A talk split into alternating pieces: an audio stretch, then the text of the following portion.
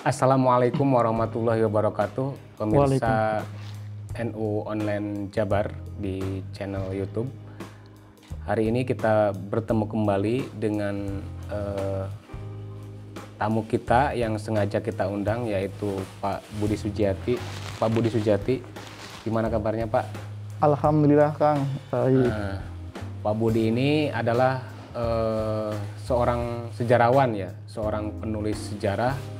Eh, beliau di STKIP Pangeran Dharma Kusuma Indramayu. Kebetulan, bukan kebetulan ya, beliau ini Kang Budi ini adalah seorang penulis sejarah NU Jawa Barat.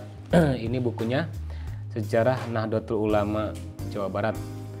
Eh, ini adalah eh, buku penting yang mengisi kekosongan tentang penulisan NU di Jawa Barat.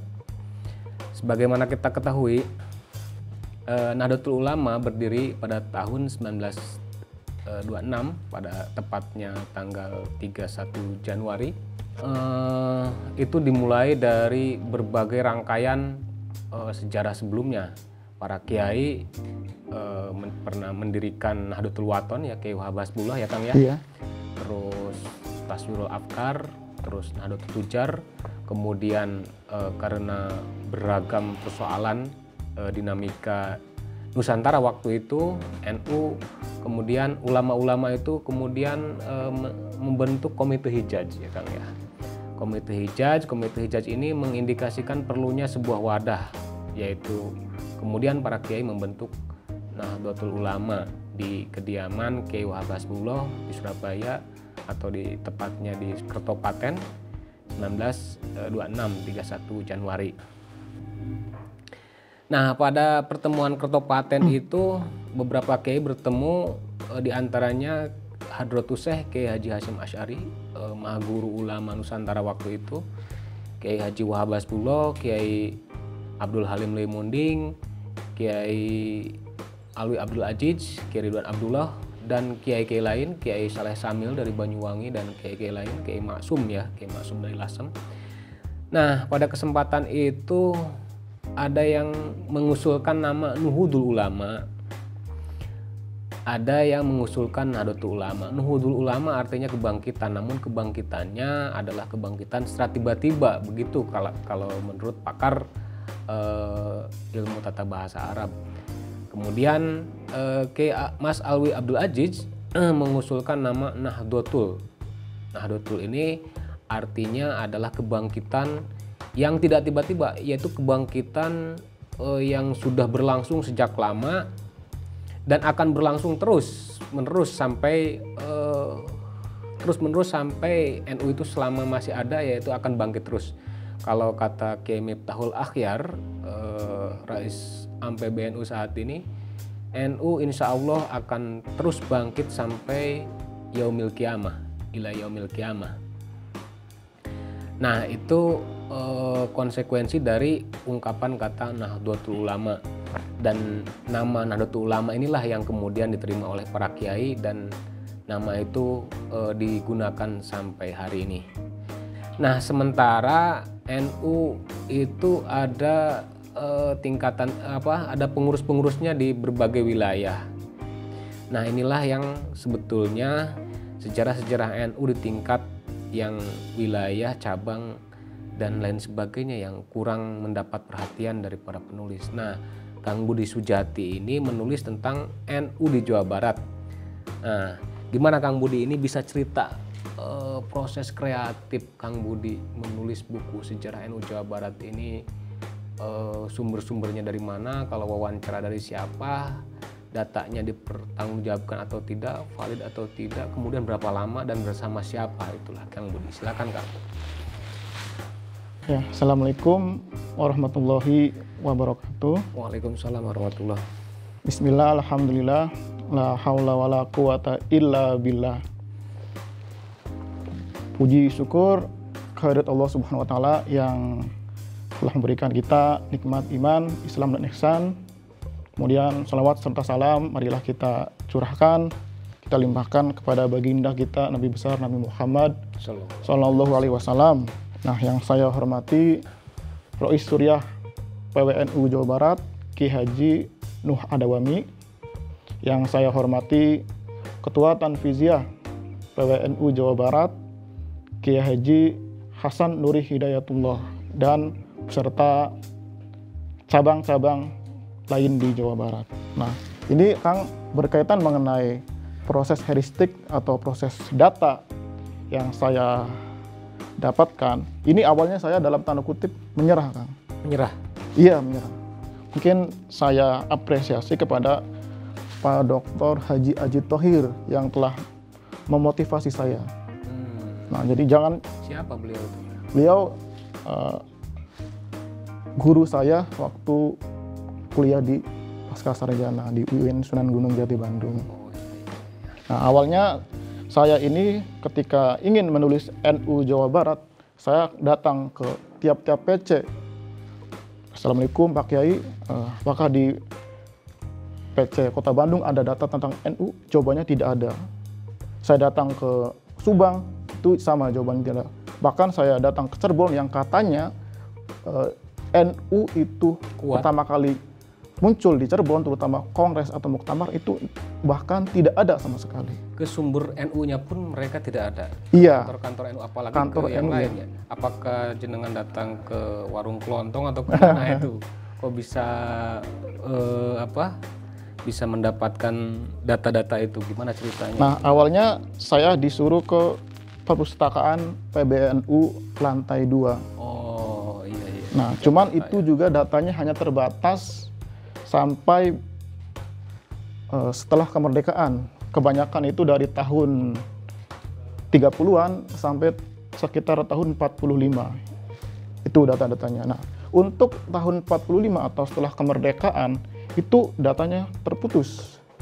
Nah, saya coba ke Arsip Nasional Republik Indonesia di Jalan Salemba kalau tidak salah. Itu juga harus memerlukan izin. Jadi ini mungkin eh, untuk peneliti-peneliti berikutnya.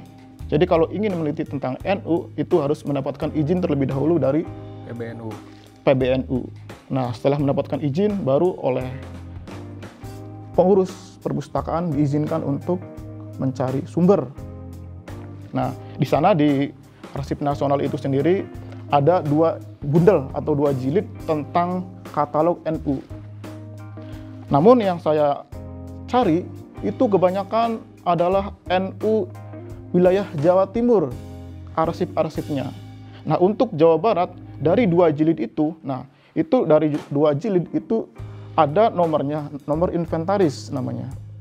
Jadi nomor inventarisnya dari nomor 1 sampai se- 3000 kan. Bisa bayangkan, saya dalam waktu yang singkat mencari sumber-sumber NU terutama di Jawa Barat. Nah, ini untuk mengkelirkan sendiri Satu dari satu sampai tiga ribu tuh khusus Jawa Barat atau keseluruhan? secara umum. Nah, ini yang menyulitkan saya untuk mencari sumber-sumber ini. Seperti itu, Kang. Eh berarti ini buku ini berdasarkan eh gari, apa secara umum berdasarkan arsip Andri itu ya. Oh iya ada satu lagi tambahan. Nah ini untuk mengcross check apakah benar data yang ada di arsip sesuai dengan yang ada di tiap-tiap cabang, saya mendatangin tiap-tiap cabang. Contohnya, kalau saya ingin menulis tentang NU Kabupaten Tasikmalaya, saya harus mencari tokoh siapa sih yang memiliki a- atau minimal mereka pernah terlibat di dalam NU itu sendiri. Seperti itu. Contohnya, Eh, sebelum saya menulis tentang NU di Tasikmalaya, itu ada beberapa arsip yang menginformasikan tentang NU di Tasikmalaya. Namun setelah saya cross check lagi ke salah satu orang yang pernah terlibat langsung, maka dia ada informasi tambahan. Contohnya, nah sebelum saya eh, datang ke PC itu ada yang menyebutkan bahwa NU di Tasik itu terbentuk sekitar tahun 36. Namun setelah saya cross check NU di Tasik itu terbentuk eh, sekitar tahun 28. Itu menurut informasi dari Ki Haji AE Bunyamin. Beliau mantan ketua IPNU Kabupaten Tasikmalaya periode 1968 sampai 1977. Nah, beliau terlibat langsung nah, dan mengatakan bahwa terbentuknya NU di Tasik itu karena respon dari kebijakan Bupati Tasikmalaya pada waktu itu. Oke Kang, yang dari Andre itu data seperti apa yang didapatkan dari Arsip Nasional Republik Indonesia itu NU yang kemudian disarikan dan dideskripsikan menjadi buku ini? Nah, yang uh, arsip dari Andri kebanyakan itu berbagai macam kan. Ada yang berbentuk SK, SK pembentukan NU. Hmm.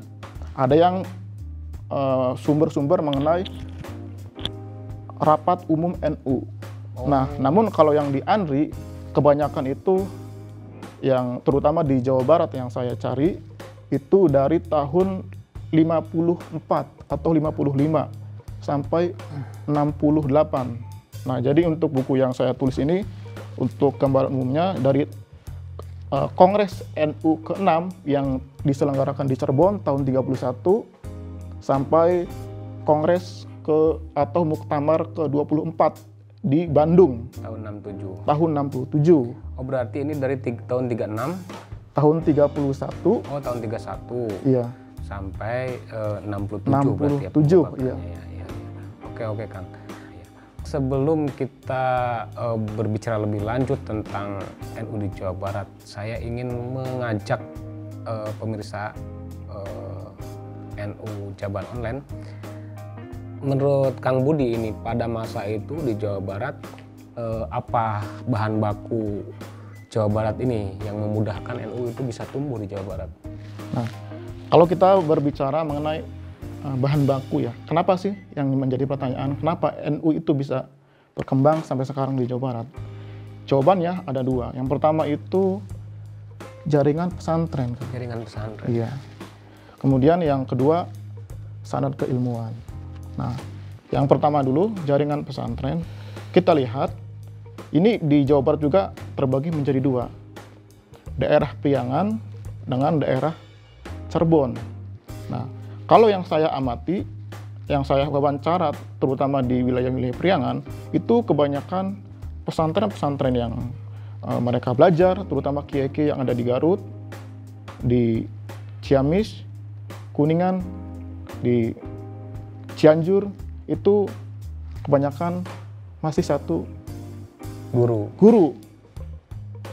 Nah, seperti itu. Nah, kemudian untuk wilayah, uh, wilayah Cirebon, itu kebanyakan mereka awalnya para uh, kiai-kiai yang ada di wilayah Cirebon itu termasuk Ciayu Manjang Kuning ya kalau kita bisa uh, berbicara mengenai Cirebon.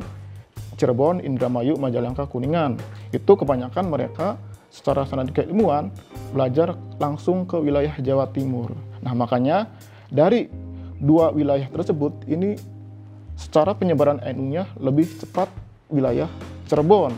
Kenapa seperti itu? Karena mereka secara langsung uh, berguru kepada Hadratus Syekh Haji Hasim Asari. Nah, sedangkan kalau di wilayah Priangan itu perkembangannya lebih lambat. Nah, terutama mengalami kemajuan yang sangat pesat itu ketika NU memutuskan menjadi partai politik ketika Muktamar ke-19 di Palembang. Nah, karena adanya tuntutan partai, maka eh, cabang-cabang uh, yang ada itu mulai berdiri. Contohnya di Kabupaten Garut. Kabupaten Garut itu berdiri karena adanya desakan partai, makanya berdirilah secara legal struktural.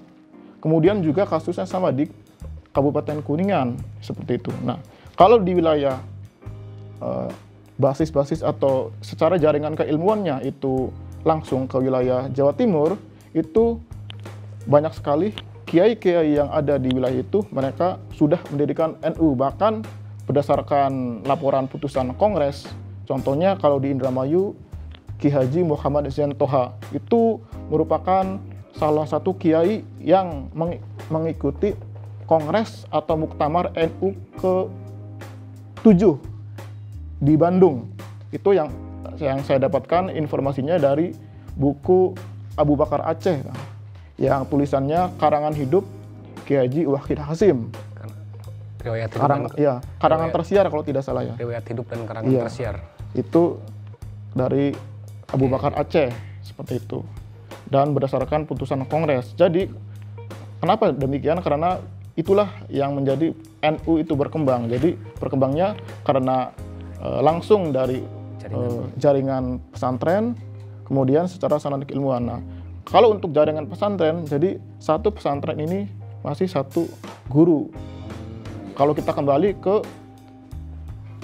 uh, yang ada di daerah Banten itu Kang, uh, Syekh Nawawi Al-Bantani. Jadi dari beliaulah jaringan keilmuan itu kan Syekh Nawawi Al-Bantani kan Al-Bantani memiliki murid Hadratus Syekh Kiai Hasim Asari. Nah, makanya dengan mudah NU itu berkembang dari pergulatan pemikiran atau goswatul fikr inilah yang mengakibatkan NU ini masuk ke wilayah Jawa Barat agar uh, masyarakat Jawa Barat ini menjadi pengikut Ahlus Sunnah wal Jamaah agar tradisi-tradisi Islam Nusantara yang sudah dilestarikan oleh Wali Songo ini tetap lestari hingga sekarang. Hmm. Jadi NU, uh, eh, NU memiliki misi seperti itu, Kang. Iya, iya, iya, iya.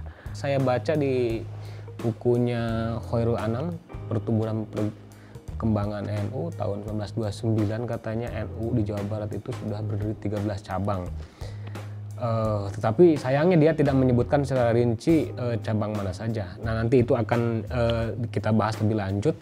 Nah bagaimana ceritanya itu para kiai NU atau motifnya apa sehingga NU itu harus uh, apa harus ditanamkan di Jawa Barat?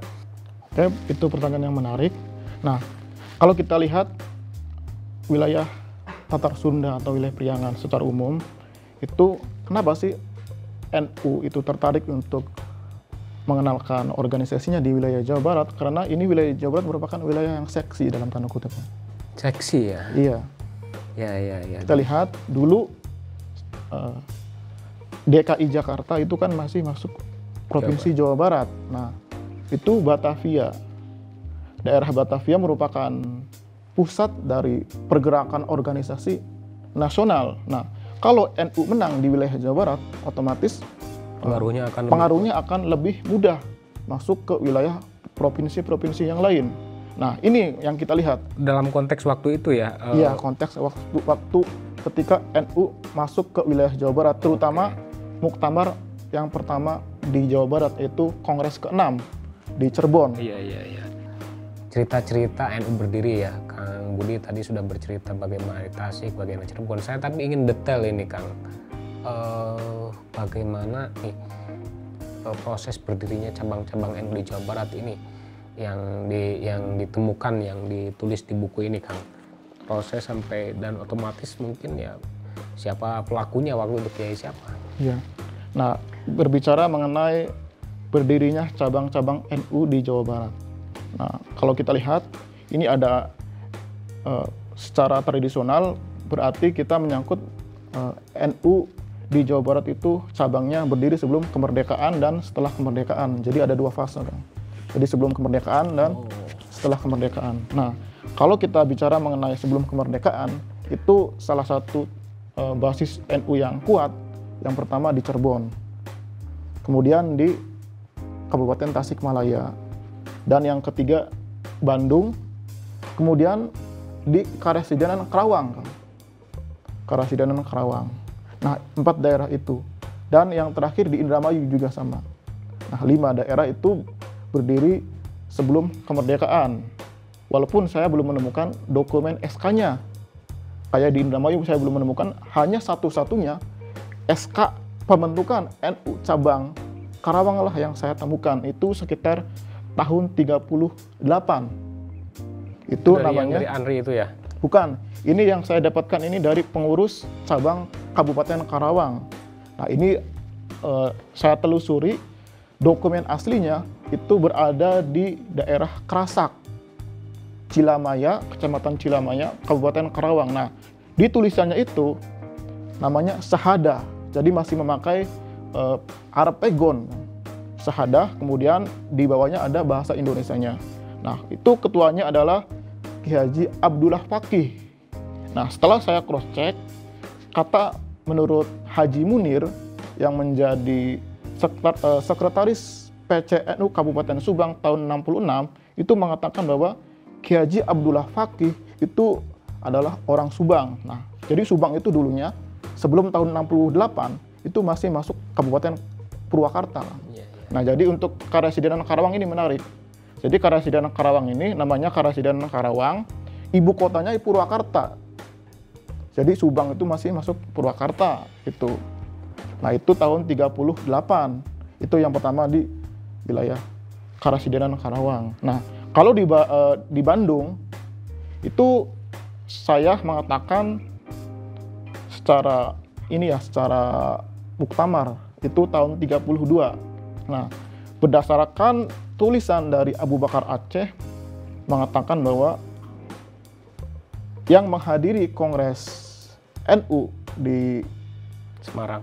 ya Semarang itu adalah salah satu kiai muda yaitu Raden Kiai Haji Ahmad Dimyati. Ahmad Dimyati atau yang dikenal dengan Mama Gedong itu itu merupakan satu-satunya dari Jawa Barat. Nah, itu dari Bandung. Nah saya juga menemukan dokumentasi Kang. Di Bandung juga ada juragan Suara Hasan Wirahmana. Itu beliau merupakan ketua PCNU kota eh, bukan kota ya Bandung. Ini kan masih masih belum ada kota Bandung dan Kabupaten Bandung jadi Bandung secara umum. Nah saya menemukan dokumentasi beliau itu dari dokumen Jepang Kang. Jadi namanya Gun Seikanbu jadi eh, apa orang-orang yang terkemuka di Jawa. Salah satunya beliau. Ada data informasinya mengenai riwayat beliau hidup tanggal lahir kemudian ketika masa mudanya seperti apa kemudian pengalaman organisasinya. Nah itu Suar Hasan Wirahmana. Kemudian berdasarkan dari majalah eh, berita Nahdlatul Ulama itu juga ada dari Kiai Haji Abdullah Cicukang dari Ciparai Nah, Kiai Husin dari Ciparai juga sama. Itu adalah orang Ciparai yang pernah mengikuti kongres pertama NU. Terutama ketika kongres tahun 35 36 itu. Itu kalau tidak salah tahunnya ya bisa dikoreksi. Nah, itu di Bandung seperti itu. Jadi itulah tokoh-tokoh di Bandung. Nah, kalau di Tasik ini saya menarik sekali. Saya berdasarkan informasi dari eh, orang yang pelaku sejarah Ki Haji A.E. Bunyamin. Sekarang or- beliau sudah wafat Kang ya. Sudah wafat. Waktu saya wawancara itu beliau usianya 80 tahun. Beliau ketua IPNU Kabupaten Tasikmalaya. Bahkan beliau menjadi saksi hidup ketika NU cabang Tasikmalaya itu mengadakan pemilu pertama tahun 55 Oh iya iya. Itu. Nah, jadi kalau secara pemilu itu hanya Kabupaten Cirebon yang memenangkan pemilu di Jawa Barat. Selebihnya itu kalah semua dengan partai-partai yang lain, bahkan dengan PKI. Nah, itu untuk Kabupaten atau cabang Tasikmalaya. Nah, jadi eh, cabang Tasikmalaya tok- tokoh-tokohnya adalah Kiai Fadil. Iya kayak Fadil Bilyas. Nah, itu Kiai Fadil merupakan orang Tasik, kemudian pindah ke wilayah Ciamis, mendirikan cabang Ciamis. Nah, selanjutnya kalau tokoh-tokoh di Tasik juga adalah Kiai Haji Otong Hulaimi. Oke oh lain. Otong Hulaimi juga merupakan salah satu orang yang berjasa mengenalkan NU di Tasikmalaya. Nah, berdasarkan dari Kiai Haji Ayah Bunyamin, eh, Kiai Haji Otong Hulaimi merupakan orang Beber. Orang Beber Cirebon yang pindah ke Tasik karena beliau ini dalam pemahaman agamanya eh, sangat apa ya sangat tinggi sehingga oleh orang-orang Tasik ini beliau menjadi eh, kiai di Tasik. Jadi ketika itu orang-orang Tasik yang hendak belajar agama itu kepada Kiai Haji Otong Hulaimi. Iya iya termasuk Sutisna Senjaya Nah, ya. iya. Itu Raden Sutisna Senjaya juga merupakan salah satu pendiri majalah Al Mawais yang menjadi lawan daripada majalah Alisan Persis itu. Hmm, Itu tahun 33 iya iya. seperti itu. Itu untuk wilayah Tasikmalaya. Nah, kemudian pada waktu itu yang menjadi eh, ketua tanfizianya adalah Kiai Haji Sobandi dari Cilenga. Oh iya iya. betul. Nah, pada waktu itu Kiai Haji Rukyat itu masih muda. Jadi Kiai Haji Rukyat eh, baru setelahnya. Nah, kemudian juga Kiai Haji Zainal Mustafa itu juga salah satu yang tokoh menyebarkan NU di wilayah Singaparna. Nah, itu untuk wilayah Tasik. Kalau Cirebon Nah, untuk Cirebon sendiri, nah, kita sudah mengetahui bahwa yang menjadi wakil dari Jawa Barat satu-satunya dalam pembentukan NU adalah Kiai Haji Abdul Halim Lui Munding. Lui Munding. Jadi ini mungkin orang sudah mengetahui. Nah, dulu itu kan Cirebon masih satu karesidenan. Jadi mencangkup wilayah Majalengka, Kuningan, Indramayu. Jadi dalam utusan-utusan kenapa Ki Haji Abdul Halim tidak dalam tulisannya tidak dalam Majalengka karena masih satu karesidenan. Itu tahun 26. Nah, kemudian ada Ki Haji Abbas Buntet dari wilayah Buntet, Kecamatan Astana Japura. Nah, kemudian ada Ki Haji Satori dari Arjawinangun itu kan kalau sekarangnya kan tokonya kan Buya Husen kan, kayak di Husen Muhammad. Nah kemudian kalau ke wilayah Babakan Coringin ada namanya Kiai Haji Idris Kamali. Idris Kamali ini kan kalau yang saya dapatkan informasi dari Kiai Haji Zamzami Amin mengatakan bahwa Kiai Haji Idris Kamali itu adalah salah satu menantunya Ah, iya, iya. Hadrut uh, Hadratus Syekh Hasim As'ari. Nah, Iya. jadi Idris Kamal ini uh, dia itu tidak mau tampil di depan layar, jadi tampilnya di, di belakang layar. Makanya beliau tidak terlihat. Namun uh, dia memiliki andil besar dalam mengenalkan NU di wilayah Cirebon. Hmm.